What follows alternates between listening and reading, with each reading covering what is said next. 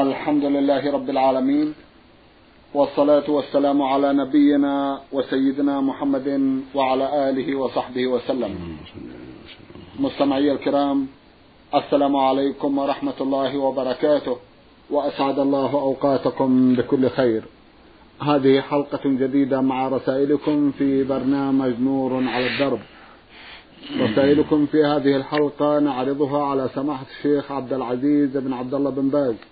الرئيس العام لإدارات البحوث العلمية والإفتاء والدعوة والإرشاد. مع مطلع هذه الحلقة نرحب بسماحة الشيخ ونشكر له تفضله بإجابة السادة المستمعين. فأهلا وسهلا بالشيخ عبد العزيز. حياكم الله وبارك فيكم أولى رسائل هذه الحلقة رسالة وصلت إلى البرنامج من الكويت. باعثة الرسالة إحدى الأخوات من هناك تقول المرسلة لام شين. أم محمد. أختنا لها ستة أسئلة. في سؤالها الأول تسأل وتقول ما حكم رؤية صور الحيوانات في الفيديو بدون موسيقى؟ وبمعنى آخر أود معرفة حكمة حكمة أود معرفة حكم حكم الصور في الفيديو. جزاكم الله خيرا. بسم الله الرحمن الرحيم، الحمد لله صلى الله وسلم على رسول الله وعلى آله وأصحابه ومن اهتدى بهداه. أما بعد فلا أعلم شيئا في رؤية الصور التي ليس معها آلة له. لا أعلم في هذا بأسا إلا أن تكون الصور من الصور التي تثير الشهوات كصور النساء الخالعات أو صور المردان فينبغي المؤمن أن يغض بصره عن ذلك ولا ينظر إليها. أما صور الحيوانات الأخرى كالإبل والبقر والغنم والأسود والظباء فلا بأس بذلك. لكن إذا كانت الصورة مما تثير غريزة تسبب الفتنة كصور النساء الفاتنات وصور المردان فينبغي غض البصر عن ذلك. غض المرأة بصرها عن الرجال وغض الرجل بصره عن النساء والمردان حتى لا تقع الفتنة. نسأل الله السلامة. نعم. جزاكم الله خيرا. هل ينتقل السؤال سماحة الشيخ إلى حكم التصوير حينئذ؟ التصوير له شأن آخر. أيوة. التصوير لا يجوز إذا كان لذوات الأرواح سواء كان من بني آدم أو غير بني أو غير بني آدم. يقول النبي صلى الله عليه وسلم أشد الناس عذابا يوم القيامة المصورون ولأنه عليه الصلاة والسلام لعن آكل الربا وموكله ولعن المصور رواه البخاري في الصحيح. تصوير ذوات الأرواح من بني آدم أو من غيرهم أمر لا يجوز لكن عند الضرورة أيوة. التي ليس الإنسان فيها اختيار ولا رغبة إنما ضرورة كتصوير المجرمين الذين يطلب إمساكهم حتى لا يضروا المسلمين أو تصوير من يعطى جنسية يعني تابعية حفيظة نعم. إذا دعت الحاجة إلى ذلك فلا حرج عليه إذا لم تحصل له إلا بالصورة لأن هذا المقصد معروف وهو تمييزه ومعرفته عن غيره. فالمقصود إذا كانت الصورة لها حاجة ضرورية مثل ما ذكرنا فلا بأس. طيب. للحاجة. نعم. ويكون داخلا في قوله تعالى من كفر بالله بعد من إلا من أكره يعني من جنس المكره نعم. نعم. تسأل أختنا وتقول أرجو التوضيح لمن أراد أن يجلب خادمة مسلمة وذلك لظروف ضرورية. هل صحيح يجب أن يجلب معها محرم وإلا يكون آثما؟ وإذا كان هناك إثم أي الإثمين أكبر؟ إثم من اقتدم خادمة مسيحية أو خادمة مسلمة بدون محرم. أما استخدام الكافرات من النصارى وغير النصارى هذا لا يجوز. لأن هذه الجزيرة العربية لا يجوز أن يستخدم لها الكفار ولا يقيموا بها. لأن الرسول صلى الله عليه وسلم نهى أن يبقى فيها دينان وأمر أن لا يبقى فيها إلا مسلم. وأوصى عند موته عليه الصلاة والسلام بإخراج الكفار من هذه الجزيرة. فلا يجوز أن يستخدم لها الكفار للإقامة بها خدما أو عمالا أو غير ذلك إلا للضرورة التي يراها ولي الأمر في أمر لا بد منه. هذا لا بأس به إذا رأى ولي الأمر استخدام أحد للضرورة كما يستخدم البرد. من الكفار الرسل حتى يوصلوا رسالاتهم إلى ولي الأمر وحتى وكذا ما يستخدم طبيب تدعو له الضرورة أو نحو ذلك مما يراه ولي الأمر. وإلا فالواجب ألا يستخدم لهذه الجزيرة العربية إلا مسلم. وإذا استخدم امرأة مسلمة فالواجب يكون معها محرم. يجب على أهلها أن يرسلوا معها محرما لأن الواجب عليهم ألا يرسلوها بدون محرم. وينبغي وينبغي للمستخدم أن يعين على ذلك وأن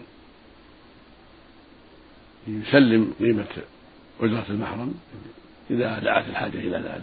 وإن أرسلوه على حساب أنفسهم فالحمد لله. وإن دعت الحاجة إلى أن يسلم الأجرة مع أجرة الخادمة حتى لا لا تقدم إلا المحرم وجب ذلك حتى لا يقع في الإثم. لأن الرسول عليه السلام قال لا تسافر امرأة إلا مع ذي محرم. فالمسافرة عليها أن تستصعب المحرم وأن تسلم أجرته من مالها أو يسلم ذلك أهلها أو يسلم ذلك من استخدمها. نعم. جزاكم الله خيرا. م. تقارن بين الإثمين شيخ عبد العزيز. إثم م. من استخدم خادمة مسيحية أو مسلمة بدون محرم. تقول أيهما أعظم إثما كلاهما منكر. كلاهما منكر واستخدام الكافر أشد إثما. أيوة. لأن استخدام الكافر يضر المسلمين ويسبب فتنة على المسلمين. نعم. نعم. صلاة الاستخارة هل تصلى في حالة عزم الشخص على أمر معين أو في حالة أنه لم يستقر على أي الأمرين يفعل ويستخير؟ أرجو التوضيح.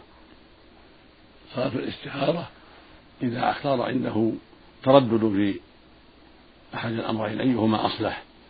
فهذا هو وقت الاستخارة. كأن يتردد هل يتزوج فلانة؟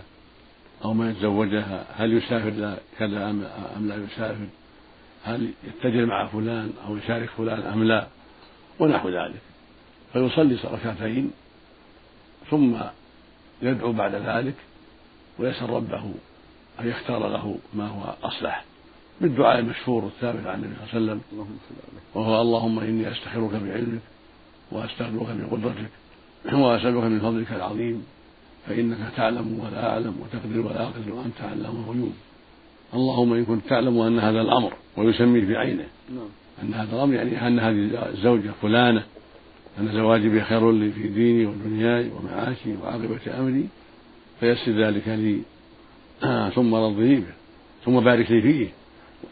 فيسر ذلك لي ثم بارك لي فيه وإن كنت تعلم أن هذا الأمر شر لي في ديني ودنياي ومعاشي وعاقبة أمري أو قال في عاجل أمري وآجله فاصرفه عني واصرفني عنه وقدر الخير حيث كان ثم أرضني به.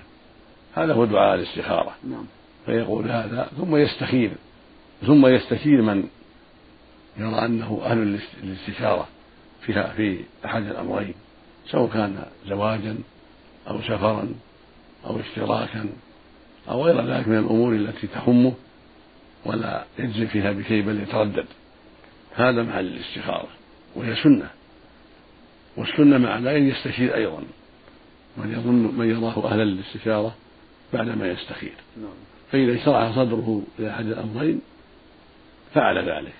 وإن لم يزل معه التردد أعاد الاستخارة مرة ثانية وثالثة وهكذا حتى ينشرح صدره لأحد الأمرين.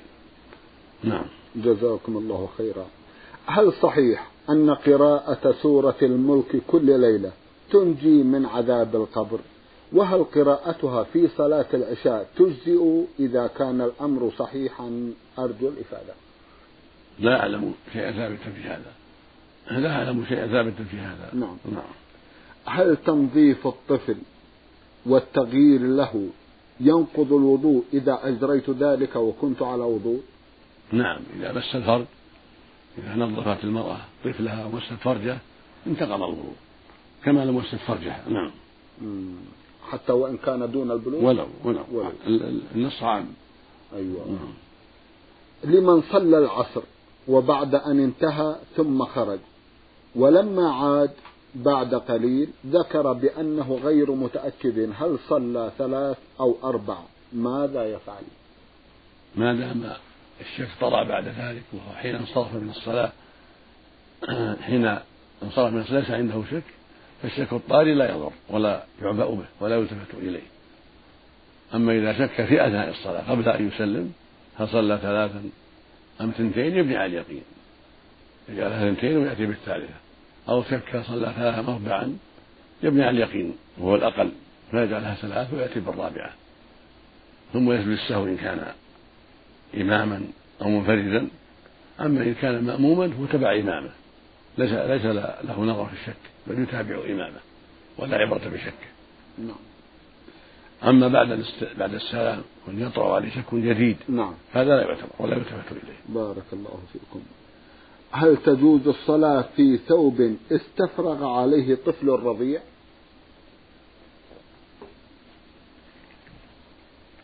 ينبغي أن يغسل بالنضح إذا كان الطفل الرضيع لا يأكل الطعام فهو مثل بوله. أيوة. ينضح بالماء ويصلي فيه ويصلي فيه. ولا يصلي فيه قبل النضح بالماء. نعم. رسالة وصلت إلى البرنامج من بلاد زهران وباعثها الأخ عطية رمضان الزهراني. أخونا يقول يا سماحة الشيخ هناك من يقول بأن تعليق السور القرآنية أو الآيات على الحائط حرام مع العلم بأن هذه الآيات أو السور لم توضع إلا لفضائلها مثل سورة ياسين وآية الكرسي وغيرها. لذا نأمل من سماحتكم بيان حكم ذلك. جزاكم الله خيرا. تعليق الآيات أو السور في الجدران في المكتب أو في المجلس للتذكير والعظة لا بأس بذلك على الصحيح. قد كره بعض علماء العصر وغيرهم تعليق ذلك ولكن لا حرج فيه إذا كان للتذكير بذلك والعظة فلا بأس بذلك. إذا كان المحل محترما كالمجلس والمكتب ونحو ذلك. أو علق حديث عن النبي صلى الله عليه وسلم أو أحاديث كل ذلك فيه مواعظ وذكرى. أما إذا كان القصد غير ذلك قصد أنها تحفظه من الجن أو تحفظه من العين أو كذا فلا يجوز بهذا القصد وبهذا الاعتقاد لأن هذا لم يرد في الشرع وليس له أصل يعتمد عليه. نعم. رسالة وصلت إلى برنامج من القصيم وباعثها أحد الإخوة يقول أخوكم عين ميم. يسأل أخونا ويقول من شروط الوضوء النية والنية محلها القلب. لكن إذا ذهب شخص لدورة المياه الحمام عزكم الله والسامعين لقضاء الحاجة ولم ينوي الوضوء وحينما فرغ أراد الوضوء بأن غسل وجهه ويديه إلى آخر الأعضاء أي أكمل الوضوء فهل وضوءه صحيح؟ نعم نية الوضوء عند البدء في المضمضة والاستنشاق أيوة. لأن ذاك يسمى قضاء حاجة يسمى استنجاء فإذا استنجى من البول أو الغائط ما عنده نية وضوء ثم بعد ذلك أراد يتوضأ فالنية تكفي بعد ذلك. فإذا بدا يغسل يتمضمض ويستنشق بنية الوضوء كفى. والأفضل أن ينوي عند غسل الكفين. عند غسل الكفين يسمي الله وينوي. الوضوء ثم يشرع في المضمضة والاستنشاق وغسل وجهه ثم يديه ثم مسح رأسه إلى آخره. فالنية عند بدئه غسل اليدين قبل المضمضة والاستنشاق. أما ذاك الذي يسمى الاستنجاء فليس محل النية. هذا إزالة أذى إزالة خبث. يزيل يزيل الأذى بالماء أو بالاستجمار ولا يحتاج إلى نية. إنما النية عند بدئه غسل أطرافه الأربعة الوجه واليدين والرأس والرجلين. هذا محل النية ويسمى الوضوء ويسمى التطهر والطهور. نعم. جزاكم الله خيرا. من ليبيا منطقة وادي العين رسالة بعث بها أحد الإخوة من هناك يقول إدريس فرج الشاعري. أخونا له جمع من الأسئلة يسأل ويقول نعلم أن تأخير الصلاة عن وقتها جرم وذنب وأي ذنب ولكن هناك ظروف قد تؤدي بي إلى تأخير الصلاة عن وقتها كأن أكون راعيا للماشية وأسمع الأذان. ولكن أخاف أن تتلف الظأن المزروعات سواء كانت لنا أو لجيراننا فتفوتنا الصلاة حتى ولو كنت منفردا أو يفوتنا وقت الظهر كما في المحاضرات أو العمل. فما هي نصيحتكم؟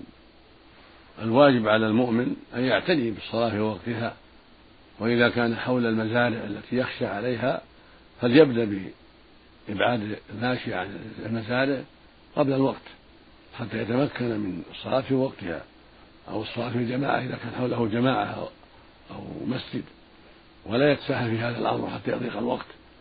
الواجب عليه يتقي الله وأن يشرع في أسباب حفظ الصلاة قبل وقتها حتى لا يقع في مشابهة أهل النفاق في إضاعة الصلوات. إن المنافقين يخادعون الله وهو خادعهم وإذا قاموا إلى الصلاة قاموا كسالى الواجب على المؤمن أن يعتني بهذا الأمر وإن كان في محاضرات أو دراسة فإنه يقطع المحاضرة ويقطع الدراسة ويقوم للصلاة ويصلي مع المسلمين في مساجدهم. أما إذا كان في محل ليس حوله مساجد بل إنما يؤدون المحاضرة أو الندوة ثم يصلون جميعا في محلهم كمحل بعيد عن المساجد ليس بقربه مساجد أو في الصحراء أو في السفر. فكل هذا لا بأس به إذا فرغوا صلوا في الوقت لا يؤخرون عن وقتها نعم. بل يصلون في الوقت. لكن من كان في قرون المساجد وفي القرية أو في البلد فليس له أن يؤخر الصلاة بسبب محاضرة أو بسبب ندوة أو بسبب غنم أو إبل أو غير ذلك. الواجب عليه أن يعتني بما يعينه على أداء الصلاة بالجماعة ولو كان بدؤه بإبعاد الغنم أو الإبل عن الحرائق قبل دخول الوقت حتى يتمكن من الصلاة في وقتها مع المسلمين وليس له التساهل في هذا الأمر لأنه يأثم بذلك. نعم. بارك الله فيكم. ما هي الأدلة على صلاة ركعتين بعد أذان المغرب وقبل إقامة الصلاة؟ إن كان هناك أدلة. نعم. ثبت عن النبي صلى الله عليه وسلم في صحيح مسلم من حديث عقبة بن عامر قال كنا نصلي قبل الأذان قبل الإقامة ركعتين في المغرب. قال كنا نصليها في عهد النبي صلى الله عليه وسلم ركعتين بعد الأذان وقبل الصلاة. وثبت في صحيح مسلم أيضا عن أنس رضي الله عنه قال كان الصحابة يصلون ركعتين بعد غروب الشمس وقبل الصلاة وكان النبي يراهم ولم يأمرهم ولم ينههم. وثبت في صحيح البخاري أنه أمرهم فقال عليه الصلاة والسلام صلوا قبل المغرب صلوا قبل المغرب. ثم قال في الثالث لمن شاء. ليعلموا أنها غير واجبة. هذه الأحاديث الصحيحة كلها دالة على شرعية الصلاة أو لا الفريضة في المغرب. يعني بعد الأذان بعد غروب الشمس وقبل أن تقام الصلاة. ثبت هذا من قول النبي صلى الله عليه وسلم ومن تقريره. أقر الصحابة على ذلك وأمر بذلك عليه الصلاة والسلام. اللهم صل وسلم. نعم. جزاكم الله خيرا. هل صلاة التسابيح سنة أم بدعة؟ الصواب فيها أنها غير غير صحيحة وأنها بدعة غير صحيحة.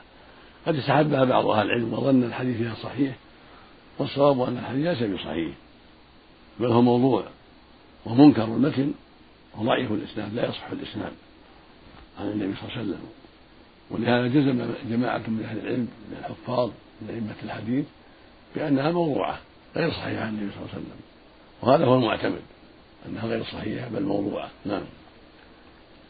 جزاكم الله خيرا. يسأل أخونا أيضا ويقول أعتقد أنني سمعت في برنامج نور على الدرب ولكن لا أتذكر جيدا أن الجلوس بعد الركعة الأولى والثالثة يعتبر زيادة تستوجب سجودا بعدي.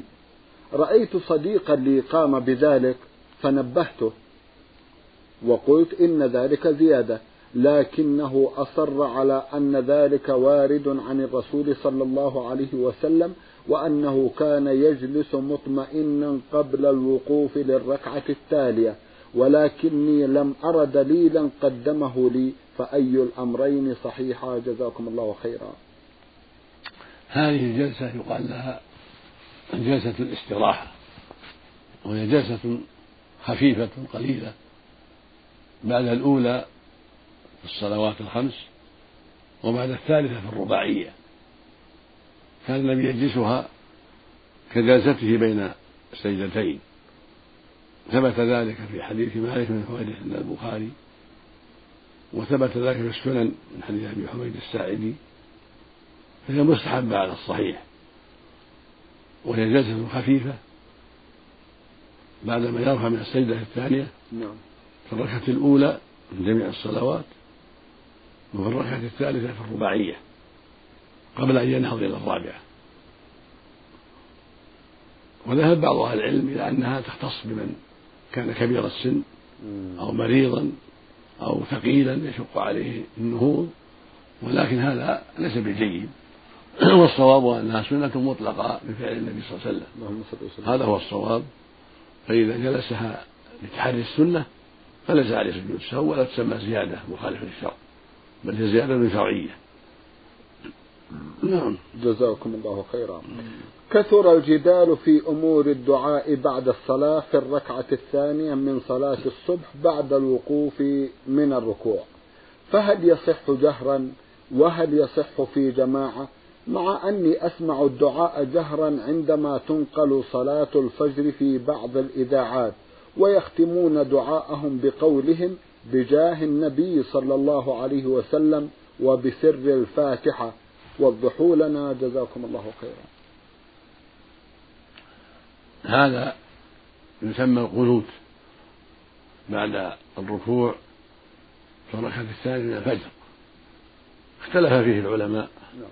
فمنهم من قال إنه يستحب هذا القنوت ورأوه سنة مستمرة. وذهب آخر من أهل العلم إلى أنه سنة في حق.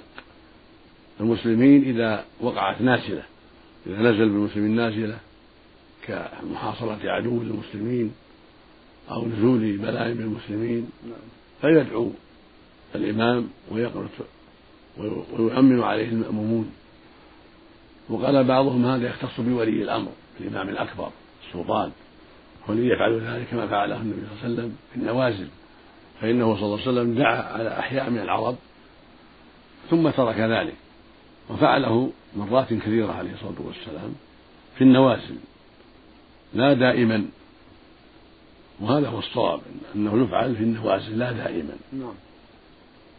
لأنه ثبت عنه صلى الله عليه وسلم أنه غنت ودعا على أحياء من العرب من حديث ابن عمر ومن حديث البراء بن عازب ومن حديث أبي هريرة وجماعة من الصحابة. أخبروا عنه صلى الله عليه وسلم أنه غنت يدعو على أحياء من العرب. نعم. ومنه ومنهم الذين قتلوا القراء السبعين دعا عليهم شهرا عليه الصلاة والسلام ودعا على جماعة من قريش قبل الفتح. هذا جائز بل مستحب إذا وجدت أسبابه. أما القنوت الدائم بعد الفجر بعد في صلاة الفجر بعد الركوع الثاني كما استحبه بعض أهل العلم فهذا ليس بجيد والصواب أنها يستحب في الفجر ولا في غيرها والصلاة الدائمة إنما يفعل للنوازل إذا كان هناك نازلة نعم. تضر المسلمين نعم. قلت الإمام أما اتخاذ قنوت في صلاة الفجر بعد الركوع الثاني سنة دائمة فهذا قول بعض أهل العلم كالشافعية رحمه الله جماعة معهم ولكن قول مرجوح الصواب أنه لا يستحب طيب. لأنه ثبت من حديث سعد بن طارق بن أشيم الأشجعي قال قلت لأبي يا أبت إنك صليت خلف رسول الله صلى الله عليه وسلم وخلف أبي بكر وعمر وعثمان وعلي رضي الله عنهم أفكانوا يخرجون في الفجر فقال أي بني محدث. هذا يدل على أنه ليس معروفا في عهده صلى الله عليه وسلم ولا في عهد الخلفاء الراشدين في غير النوازل. نعم. ولهذا قال هذا الصحابي الجليل إنه محدث يعني الاستمرار عليه والقنوت من دون أسباب.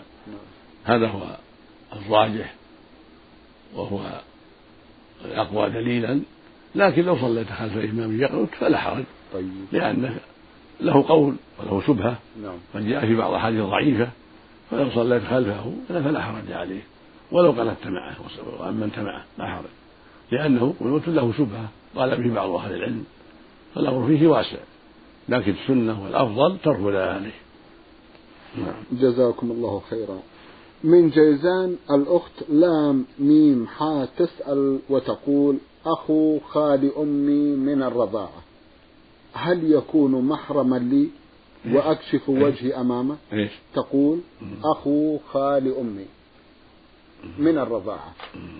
هل يكون محرما لي وأكشف وجهي أمامه؟ أم لا يكون من المحارم؟ لا لا ليس من المحارم. أخو الخال ليس من المحارم. إلا إذا كان خالا. إذا كان لك, لك خال مثلا زيد أخو أمك من الرضاعة أو من النسب فهو خال لك أيضا محرم لك. لكن أخوه الذي ليس برضيع لأمك وليس خالا لك لا يكون محرما. فقد يكون له أخ أجنبي من أبيه أو خال من الرضاع فلا يكون خالا لك إنما خالك الذي بينه وبين أمك رضاعة. رضع من أمها أو من جدتها فصار خالا لها فيكون خالا لك بسبب الرضاع أو بسبب النسب. وأما أخوه الذي ليس بخال فليس خالا لك وليس محرما لك. رسالة وصلت إلى البرنامج من جدة وباعثها أحد الإخوة عثمان ولا أدري ما هو الاسم الثاني غير واضح. يبدو أنه سوداني الجنسية من خطه. يسأل سماحة الشيخ ويقول إنني قرأت أن استتار العقد بسكر ينقض الوضوء. لكن هناك من يسكر كما يقول ولا يستتر عقله. هل ينتقض وضوءه؟ هذا فيه تفصيل. نعم. النوم إذا استثقل الإنسان في نومه وذهب شعوره ينقض الوضوء بنص السنة عن النبي صلى الله عليه وسلم. فإذا أصيب الإنسان بما يغطي عقله من سكر أو غشية أو إغماء فإنه ينتقض وضوءه لأنه مظنة الحدث كالنوم. فالغشية التي تصيب الناس وهي الإغماء نعم. بسبب بعض الحوادث أو صرع يصرع الإنسان حتى يغمى عليه أو يشرب مسكرا يذهب بعقله هذا عليه الوضوء. أما إذا كان مسكر ما ذهب بعقله بأن كان شيئا يسيرا أو بأن كان قد اعتاد هذا الشيء فلا يسخر منه ولا يذهب عقله نعم. ما ينتقض وضوءه الضابط زوال العقل أيوة. فإذا زال عقله بإغماء أو نوم أو شرب مسكر أو حبوب أزالت عقله فإنه ينتقض وضوءه فأما إذا كان يعقل ما يخرج منه ولم يذهب عقله بهذه الحبوب أو بهذا الشراب من يعقل ما خرج منه من ريح أو بول فإنه لا ينتقض وضوءه فالحكم يدور مع بقاء العقل نعم. إن بقي العقل فلا فلا ينتقض الوضوء وإن زال بسبب هذا الإغماء أو النوم أو السكر فإنه يكون منتقض الوضوء. يسأل أخونا ويقول إذا رأيت هلال رمضان وتقدمت للإفادة بذلك لكن لم يؤيدني أحد. فهل أصوم ثلاثين يوما إذا كان الناس لم يصوموا إلا تسعة وعشرين يوما؟ إذا ذهب إذا تقدم الإنسان وذكر للقاضي أو المسؤول أنه رأى الهلال هلال رمضان فلم يقبل منه ولم يعمل برؤيته هذا في خلاف بين العلماء. ذهب الأكثرون إلى أنه يصوم. لأنه ثبت الشهر حقه برؤيته فيصوم ويسبق الناس بيوم ويصوم معهم إذا صاموا ويفطر معهم إذا أفطروا. وذهب آخر من العلم إلى أنه لا يصوم. إذا لم يعمل برؤيته لا يصوم لقول النبي صلى الله عليه وسلم الصوم يوم تصومون والإفطار يوم تفطرون والأضحى يوم تضحون. وهذا اليوم لم يصومه المسلمون فلا يصومون وهذا هو اختيار ابن عباس بن تيمية رحمه الله والجماعة وهو أظهر في الدليل لقوله صلى الله عليه وسلم الصوم يوم تصومون والمسلمون لم يصوموا فتكون شهادته حينئذ لاغية في حقه وفي حق غيره فلا يصوم هذا هو الأرجح. وإن صام على قول الثاني اللي قاله الجمهور فلا حرج عليه إن شاء الله. لكن عدم صومه أولى وأفضل. نعم. الاسم بشير الطاهر جبريل من السودان. يسأل الأخ بشير ويقول لي صديق طلب مني مبلغا قدره ثلاثة آلاف وثمانمائة جنيه وقال لي أسلمك هذا المبلغ في خلال شهر أو شهرين وأنا سلمته ذلكم المبلغ في عام ستة وثمانين والآن نحن في عام ثمانية وثمانين ولم أستلم المبلغ. هل تجب علي زكاته أو كيف أتصرف؟ هذا في تفصيل. نعم. إذا كان ال... الذي عنده المبلغ مؤسرا ولو طلبته المال لا أعطاك فإنك تزكيه. أما إذا كان يماطلك أو مأسرا فلا زكاة عليك. إذا كنت طلبته فأبى ولا وماطل حتى مضت المدة. فإنه لا زكاة عليه. لا لا, لا زكاة عليه.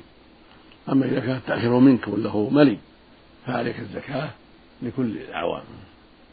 أما إذا كان مماطلا أو معسرا فلا زكاة عليه.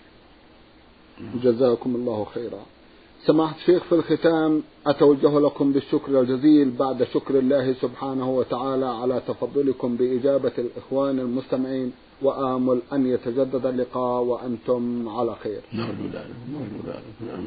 مستمعي الكرام كان لقاؤنا في هذه الحلقة مع سماحة الشيخ عبد العزيز بن عبد الله بن باز الرئيس العام بإدارات البحوث العلمية والإفتاء والدعوة والإرشاد. شكرا لمتابعتكم وإلى الملتقى. وسلام الله عليكم ورحمته وبركاته.